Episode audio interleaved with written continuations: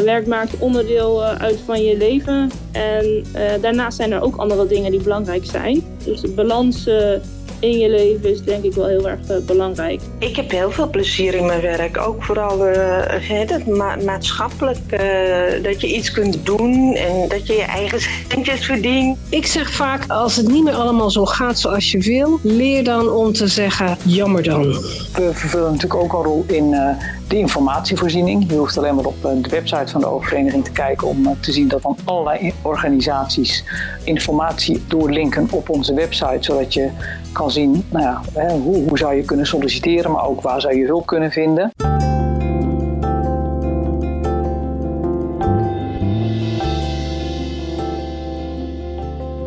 In deze nieuwe een en al oog podcast van de Oogvereniging gaat het om werk in relatie tot een visuele beperking.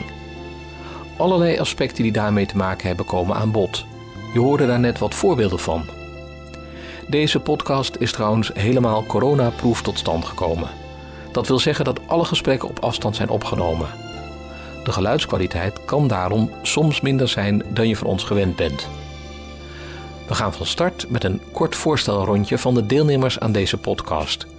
En als eerste hoor je nu Evelien van Soest. Ik ben op dit moment werkzaam bij de Radboud Universiteit. Daar vervul ik uh, twee functies. De een is bij de afdeling P&O. Daar werk ik binnen het team uh, Participatiewet. Op mijn andere uh, afdeling werk ik voor de personeelsvereniging. Daar doe ik de ledenadministratie. Ik ben Martine Muizelaar, ik ben 48 jaar, bijna 49.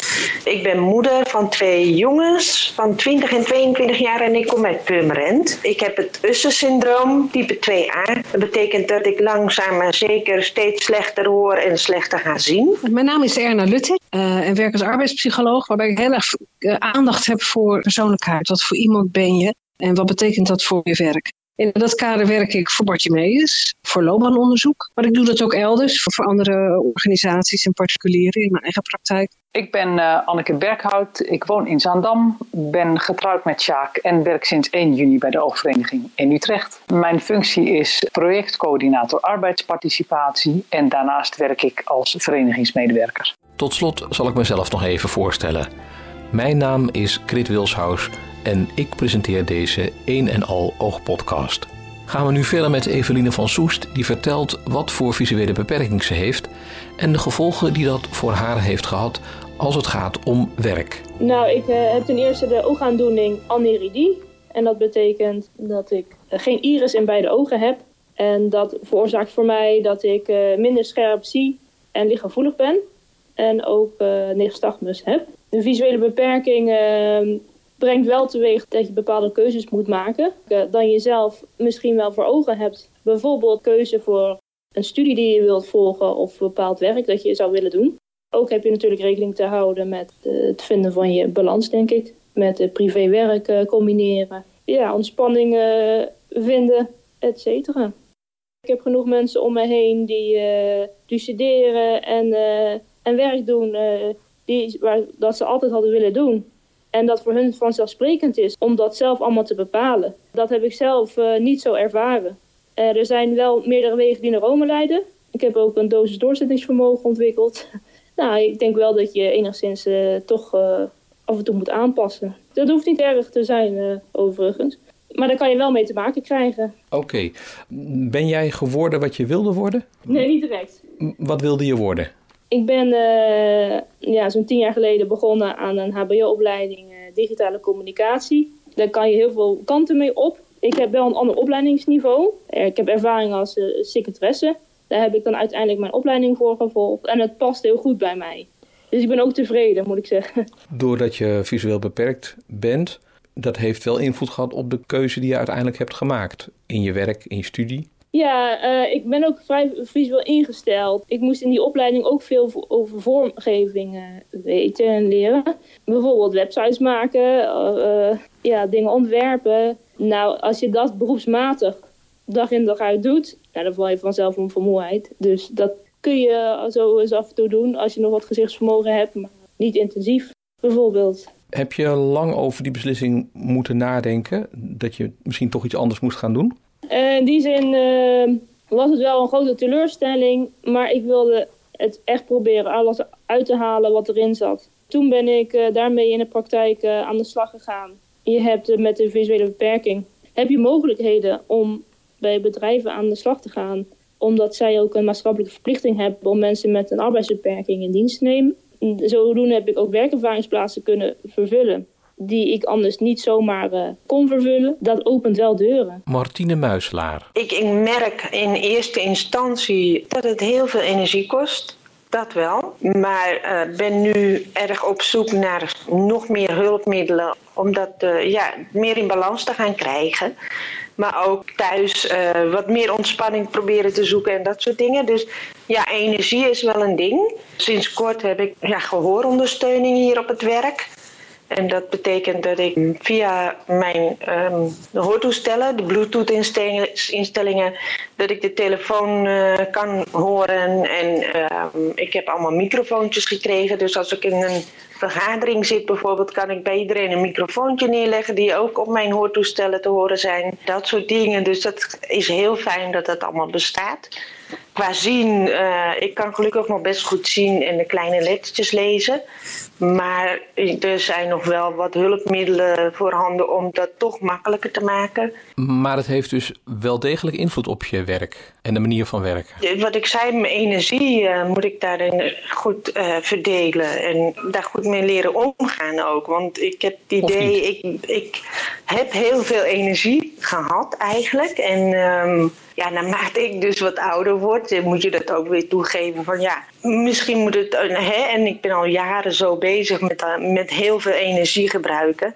Zonder, zonder veel hulpmiddelen altijd. En daar moet ik nu voor oppassen dat ik daar niet te veel uh, in meega meer. Want ja, straks heb ik een burn-out of wat dan ook. En dat wil ik dus niet. Ja, dus daar moet ik wel goed, goed voor oppassen. Ja. Nou, het heeft in ieder geval invloed op werk. En dat wordt ingewikkelder. Erna Luttik. Het is in ieder geval heel erg een puzzel. Het, het gaat meer inspanning vragen. En het is ingewikkelder. En wat er precies uh, aan de hand is, ja, dat is ook heel erg een, een individuele vraag. Sommige mensen krijgen heel veel last met lezen. Uh, nou, als je, als je heel veel leest in je werk, is dat een punt. Uh, anderen hebben de, met mobiliteit en is het woon-werkverkeer. Of als je een functie hebt waarbij je cliënten moet bezoeken of uh, klanten moet bezoeken. En je kan geen auto meer rijden, ja, dan, dan wordt openbaar vervoer gewoon een, een, een, vertraging om te gaan gebruiken. Daar kan je alweer oplossingen voor bedenken, maar het wordt ingewikkelder. Dus het vraagt elke keer om keuzes te maken. Wat speelt er bij mij? Wat is er nodig in mijn werk? Hoe ga ik dat oplossen? Anneke Berghout van de Oogvereniging onderscheidt drie groepen werkzoekenden. Eén groep zijn mensen die zitten nog op school, jongeren zitten nog op school en die hebben nog nooit gewerkt. Dat is één. Dan is er een groep mensen die blind of slechtziend zijn en die een baan hebben. En dan is er een groep mensen die in de loop van hun leven een visuele handicap ontwikkelen en achteruit gaan qua zicht en daardoor hun baan verliezen. Nou, om even met die laatste groep te beginnen. Die laatste groep, daar zie je eigenlijk heel vaak bij, ik ken echt talloze verhalen van goed opgeleide, goed gekwalificeerde mensen, hebben een goede baan, gaan achteruit qua zicht, uh, belanden in de ziektewet, vervolgens uh, gaat het traject lopen en komen ze volledig thuis te zitten omdat ze volledig worden afgekeurd en een uitkering ontvangen in het kader van arbeidsongeschiktheid. Ik vind dat een slecht excuus en begrijp me niet verkeerd. Ik zeg dit niet omdat ik geen begrip heb voor het feit dat mensen een ongelooflijk moeilijke periode doormaken en natuurlijk tijd nodig hebben om zich aan te passen aan een totale nieuwe situatie. Moeten leren omgaan met hulpmiddelen, met hun handicap, nou ja, wat al niet. Hun gezin, hun kinderen, verzin het allemaal maar. Maar ik vind het echt een gemiste kans dat mensen dan in feite levenslang thuis zitten. Want dat kan iemand gebeuren op zijn veertigste. En die, die verhalen, die, die situaties bestaan echt. Ja, dan ben je zo nog 30 jaar, zou je nog productief kunnen zijn of zou je nog iets moeten kunnen doen. Nou, dat vind ik gewoon zonde. Nou, dat is één. Hè. Dus da dat is daar, vind ik, een onterecht excuus. Waar we echt ook nog wel uh, aandacht voor gaan vragen. Om uh, te kijken of we toch uh, nou ja, met de mensen van het UWV daarover in gesprek kunnen.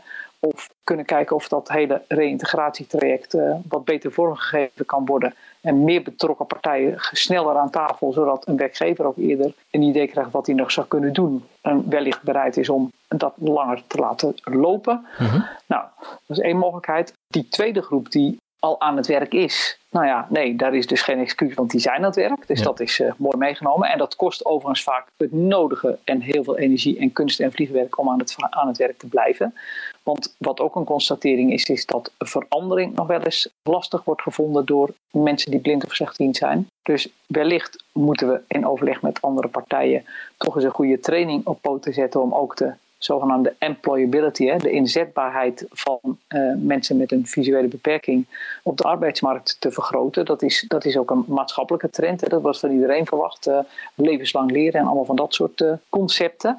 Ja, wij zullen toch op een of andere manier mee moeten in die flow. Want anders veranderingen zijn in organisaties aan de orde van de dag.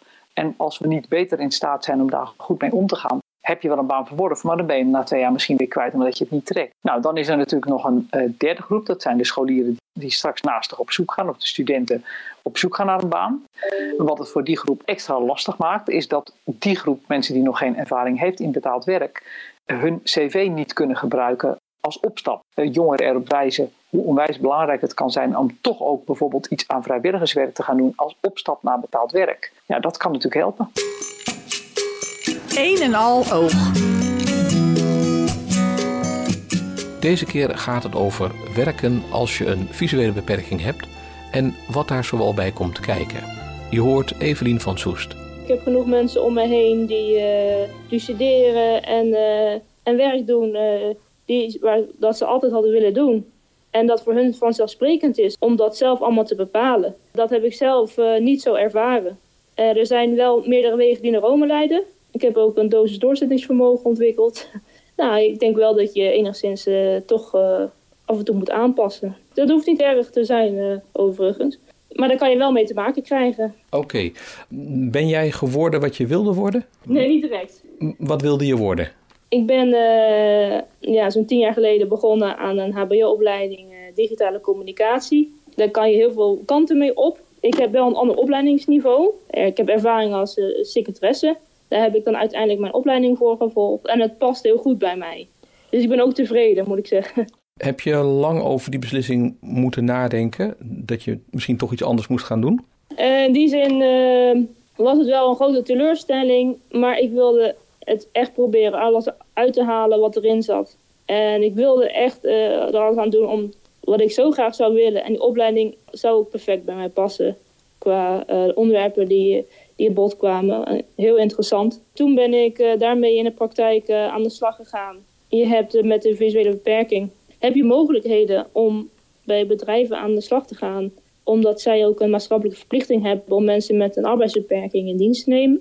Zodoende heb ik ook werkervaringsplaatsen kunnen vervullen die ik anders niet zomaar kon vervullen. Dat opent wel deuren. Heb je het ook um, besproken met je leidinggevende? Of uh, uh, ja, kwamen ze naar jou toe? Of hoe, hoe is dat gegaan? Toen ik hier kwam, dat is nu anderhalf jaar geleden denk ik Martine Muiselaar. Uh, was hier al een collega, die is volledig blind. Uh, hij heeft ja, allerlei aanpassingen op de computer. Dat was de eerste collega eigenlijk die een beperking had in dat opzicht. Dus ze hadden daar nog niet zo heel veel ervaring mee. Wel met cliënten natuurlijk, maar niet met werknemers. En toen kwam ik en ik weet niet hoe is dat gegaan. In eerste instantie had ik natuurlijk niet veel aanpassingen op de computer nodig. Behalve dat de kleuren omgedraaid konden worden. Uiteindelijk uh, ben ik zelf nog uh, gaan kijken van ja, wat kan ik doen qua gehoor. Toen kwam ik bij een, een, een bureau terecht die zei van ja, wij kunnen je helpen. Uh, maar goed, dat moet dan wel via de leidinggevende. Dat heb ik besproken. En um, ja, ze waren daar heel erg uh, ja, in meegaand in, zeg maar. Als ik, als ik dat wilde, dan vraag maar aan. En, en we gaan kijken hoe we dat voor elkaar kunnen krijgen. Als jij maar goed kan werken. De situatie zal over een tijd wel weer veranderen. Het is eigenlijk een doorgaand proces, denk ik, wat betreft hulpmiddelen en dat soort zaken. Ja, want mijn gehoor is de laatste jaren best wel flink achteruit gegaan. Uh, de dokter die, uh, verwacht wel dat ik binnen vijf jaar waarschijnlijk een cochleair implantaat zal krijgen. Dus ja, dan zal alles wel weer veranderen inderdaad. Energie is een, is een belangrijk uh, issue hè? Bij, bij werken met een, met een, als je visuele beperking hebt. Daar moet je niet te licht over denken. Nee, zeker niet. Nee, uh, ik heb natuurlijk ook nog een beperking in mijn gehoor, dus een dubbele beperking. En um, ja, ze zeggen wel eens 1 in 1 is 2, maar 1 in 1 is 3 bij ons, weet je wel. Dus ja, je moet er erg goed op letten. En mobiliteit, is dat nog een issue voor jou? Ik kan heel goed reizen met OV en alles, maar uh, ja, je moet er wel om denken dat je niet al te lang over de reis moet doen. Want als je een hele dag moet werken, of bij wijze van spreken, kan dat ook opbreken natuurlijk. Aanvaarden dat je iets hebt en uh, dat is op zich al behoorlijk uh, een opgave. Erna Luttik. Maar ook het aanvaarden dat dat iets betekent voor je werk en dat je het niet zo kan doen als je zo graag zou willen. Dat is een andere vorm van aanvaarding en dat is een heel praktische vorm. Dat speelt voor, voor, ons, voor ons allemaal. Want als je dingen soms moet aanvaarden dat het niet zo loopt zoals je wil. Uh, maar dat is nog eens extra als, je, als je een visuele beperking hebt. Het is denk ik een beetje een open deur om te zeggen dat je het moet bespreken met je leidinggevende. Maar is het ook niet zo dat die leidinggevende daar oog voor moet hebben? Ja, zeker. Het is een beetje afhankelijk van, van hoe de sfeer op het werk is of dat je je daarvoor veilig voelt. Maar het is zeker slim om het te bespreken, ook met collega's, dat ze snappen wat er aan de hand is. Want zeker als je niet blind bent, maar visuele beperking hebt, dat, dat zie je niet aan niemand. En de buitenwereld denkt toch vaak van, nou zet een bril op en dan zie toch weer. Je moet het altijd blijven uitleggen. Ik heb altijd zoiets van, probeer het dan te vertalen naar wat betekent het, uh, wat je niet ziet, of waar je last van hebt, of wat je nodig hebt. We zijn allemaal, als je niet uitkijkt, geneigd om te, te vertellen wat er medisch allemaal aan de hand is. En dat is een heel medisch verhaal, en nou, dat snappen anderen vaak helemaal niet. Uh, of ze gaan uh, met allerlei adviezen komen over hulpmiddeltjes en weet ik veel wat. Waar je ook helemaal niet op zit te wachten op je werk. Maar wat je eigenlijk wil vertellen is een vertaalslag van, joh, betekent dat ik het slechter zie, betekent dat het voor mij vermoeiend is om met veel licht te kijken. Of dat ik um, liefst met mijn rug naar het licht ga zitten, naar het raam ga zitten. Het veel langer duurt voordat ik een, uh, mijn mail heb gelezen. Dat is een soort vertaalslag van nou, wat betekent het nou voor mijn werk? Of het betekent van joh, die klus met die twee uh, schermen met Excel sheets, dat gaat hem niet meer worden voor mij. En iets anders kan ik wel doen hoor. Weet je, dan heb je het al op taakniveau. Niet alleen in de zin van wat gaat er allemaal niet. Maar ook in de zin van hey, dit en dat kan ik wel, maar ik heb wel dat en dat ervoor nodig. En als je nou zelfstandige bent, je, je werkt alleen, naar wie stap je dan toe? Ik denk dat je ook dan met, uh, met arbeidsconsulenten van bijvoorbeeld Werkpad uh, zou kunnen overleggen over wat, uh, hoe je daarmee omgaat. Ook met UWV en ondersteuning en hulpmiddelen enzovoort. wat je daarmee kan. Er is best wel wat mogelijk. Tot zover Erna Luttik. Anneke Berghout gaat nu in op de rol van de oogvereniging als het gaat om werk in relatie met een visuele handicap. De rol van de oogvereniging bij het helpen aanwerken en het behouden van werk is sowieso hebben we een landelijke en een regionale rol. De landelijke rol spelen we in elk geval een belangrijke rol bij het uh, beïnvloeden van wet en regelgeving. Dat is echt van groot belang in deze situatie. Op het moment dat je nu een baan wilt en je bent na 2015 op de arbeidsmarkt terechtgekomen, krijg je bijvoorbeeld geen voorzieningen meer via het UWV. Nou, aandacht daarvoor vragen. Hè, krijg je voorzieningen via de gemeentes en dat levert nog wel eens problemen op. Alleen al omdat elke gemeente dat in feite een beetje op zijn eigen manier binnen de wettelijke kaders kan doen. Dat leidt tot veel onwetendheid en veel uh, grote zoektochten voor mensen die blind of slechtziend zijn, voor jongeren en ook voor mensen binnen de gemeente zelf. Dus daar invloed op uitoefenen en ervoor pleiten dat er iets gebeurt waardoor er vastere aanspreekpunten zijn voor blinden en slechtzienden. En waardoor de wetgever in de gaten krijgt dat het zo niet functioneert. Nou, daar vervullen we een rol in. We vervullen natuurlijk ook een rol in uh, de informatievoorziening. Je hoeft alleen maar op uh, de website van de oogvereniging te kijken om uh, te zien dat dan allerlei organisaties informatie doorlinken op onze website, zodat je kan zien nou ja, hè, hoe, hoe, zou je kunnen solliciteren, maar ook waar zou je hulp kunnen vinden. Als het om de regionale kant gaat, uh, ik word ondersteund door een aantal mensen die vanuit een vrijwilligersrol regiocoördinator zijn. En die mensen, daarmee zijn we vooral bezig om, ja, wat zou ik zeggen, meer de individuele ondersteuning op poten te zetten. Onder andere op dit moment via digitale netwerkborrels. En dat het op dit moment alleen maar digitaal gebeurt, online, dat heeft natuurlijk alles met de coronasituatie te maken. Want we zouden het schreeuwend graag anders willen. Maar ja, helaas maakt het virus dat op dit moment echt niet mogelijk. Bedoel, dat is natuurlijk maar een druppeltje op een gloeiende plaat. Een stuk of tien deelnemers, uh, variërend in leeftijd van 18 tot 60. Nou, alleen dat is natuurlijk al leuk. Een jongen die nog aan het studeren is en nog een baan moet gaan vinden En een paar mensen die gewoon al een baan hebben en sparren over hoe is het om aan het werk te blijven. Nou, daar gaan we absoluut uh, een belangrijke vervolg aan geven het komend jaar. Door ook bijvoorbeeld die borrels op vaste momenten in de agenda te plaatsen, zodat je aan het begin van het jaar al kan zien wanneer je kunt deelnemen. Door een onderscheid te maken tussen uh, allerlei verschillende onderwerpen. Door te splitsen in mensen die werk zoeken en mensen die al werk hebben. Hè, omdat je dan natuurlijk uh, wat makkelijker de thema's kunt kiezen die voor die groepen relevant zijn. En wat we volgend jaar absoluut ook gaan doen, is een evenement organiseren. Met name gericht op de jongere mensen op de arbeidsmarkt. Om informatie te geven over wat kun je doen om een baan te vinden onder deze lastige omstandigheden. Eén en al oog. Deze situatie was van drie jaar geleden. Toen heb ik eh, ruimte voor mezelf gecreëerd om uh, voor mezelf de balans op te maken. Evelien van Soest. Ik was heel onzeker geworden en ik moest een ander plan trekken in mijn loopbaan. Ik was denk ik gewoon de regie en mijn weerbaarheid kwijt. Ik ben toen een loonbaanonderzoek gaan volgen bij Bartimeus. Daarvan kreeg ik ook begeleiding op persoonlijk vlak, begeleiding op mijn werk van een jobcoach. Ook kreeg ik een werkplekonderzoek aangeboden en een training van Babbage, de hulpmiddelenleverancier. Dat is uh, ook deels door de werkgever bekostigd zelfs. Ik ben ook minder uren gaan werken. Ja, ik denk ik ga eens meekijken op andere afdelingen. Van als dit werk nou niet meer lukt, uh, wat kan er dan nog wel? Uh, wat zijn misschien kansen binnen de organisatie? toen heb ik een aantal dagen meegelopen met collega's op andere afdelingen. Ja, tot slot vond, ja, vond ik het wel belangrijk om echt goed in contact te blijven met mijn leidinggevende collega. We houden zo echt zo'n wekelijks een overleg, of dat nou werkgerelateerd is of informeel.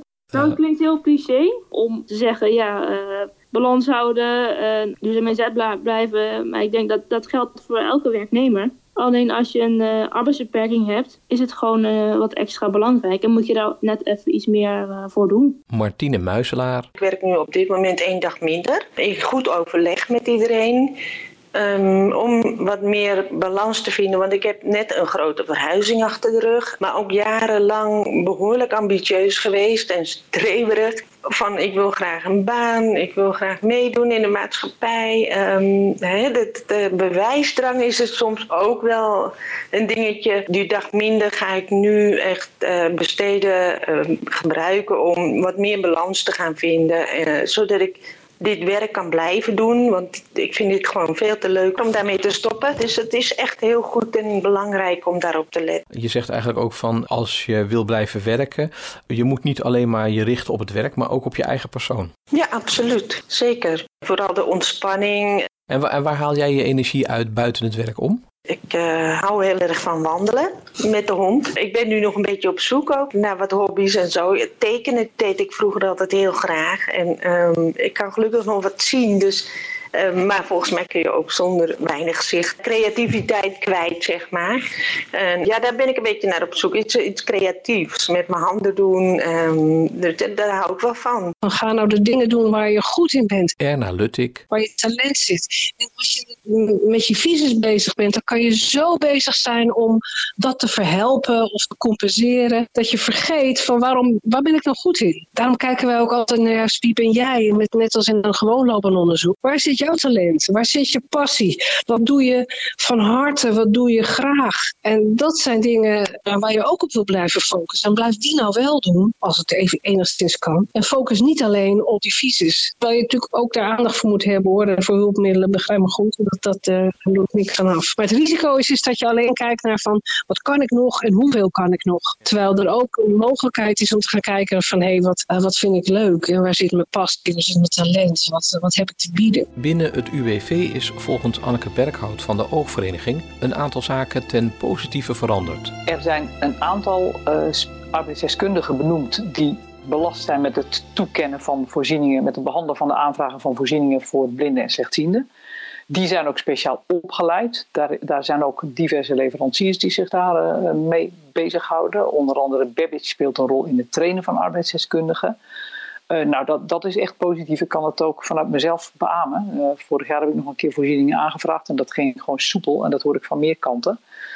Dus daar gaat het goed. Nou, wat ook heel positief is, is dat door de corona werken natuurlijk meer mensen thuis. Hè. Uh, dat wordt van ons verwacht, dus ja, dat doen we. Ook mensen met een visuele beperking. Het heeft voor- en nadelen. Hè. Handig is dat je niet meer hoeft te reizen. En dat reizen en mobiliteit is voor veel mensen een probleem, dus dat is meegenomen.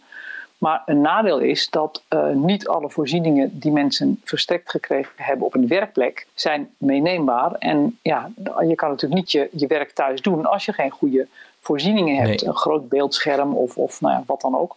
En, en, het is in ieder geval op dit moment zo dat sinds nou ja, begin september of zo heeft het UWV bekendgemaakt dat uh, zolang het RIVM van ons verwacht dat we voornamelijk thuis werken, de toekenningskaders verbreed zijn, zodat je ook als je visueel gehandicapt bent en je hebt uh, werkvoorzieningen voor thuis nodig, dan kun je dus contact opnemen met het UWV en die aanvragen. Nou, dat is natuurlijk enorme winst ook. En ook daar heeft de oogvereniging echt een, rol in gespeeld door hè, bedoel, als er signalen komen van joh, daar lopen we op vast, dan spelen we dat meteen door. Een en al oog.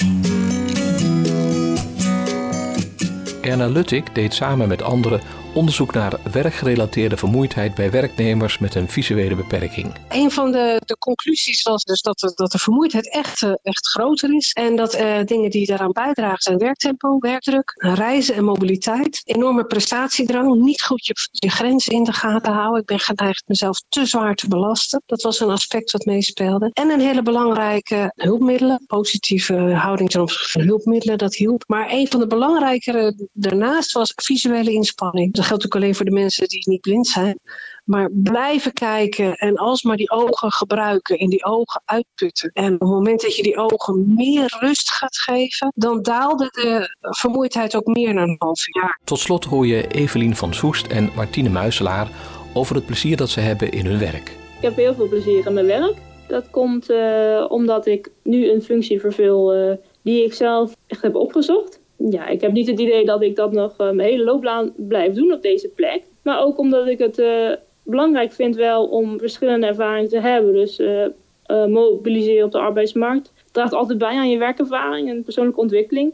Daar is het ook goed om om daaraan te blijven werken? Ik heb heel veel plezier in mijn werk. Ook vooral uh, dat ma maatschappelijk, uh, dat je iets kunt doen en dat je je eigen centjes verdient. Um, dat vind ik heel fijn. En, maar ook heel de sociale contacten. Um, ja, nu één dag in de week ga ik naar het kantoor weer. Dat vind ik heel fijn, ja. Meer informatie over werken met een visuele beperking vind je op de website van de Oogvereniging. Je gaat dan naar www.oogvereniging.nl schuine streep leven werken schuine streep werk.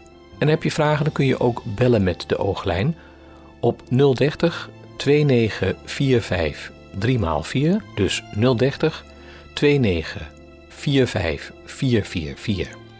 Of je stuurt een e-mail naar ooglijnapenstaatjeoogvereniging.nl ooglijnapenstaatjeoogvereniging.nl En daarmee zijn we gekomen aan het einde van deze Eén en al oog podcast. Redactie Oogvereniging Rut Dongoor, Ines Dupuy, Martijn Vet en Carlijn de Winter. Samenstelling, interviews en montage, Krit Wilshuis, tekstinzicht audio. Graag tot een volgende Eén en al oog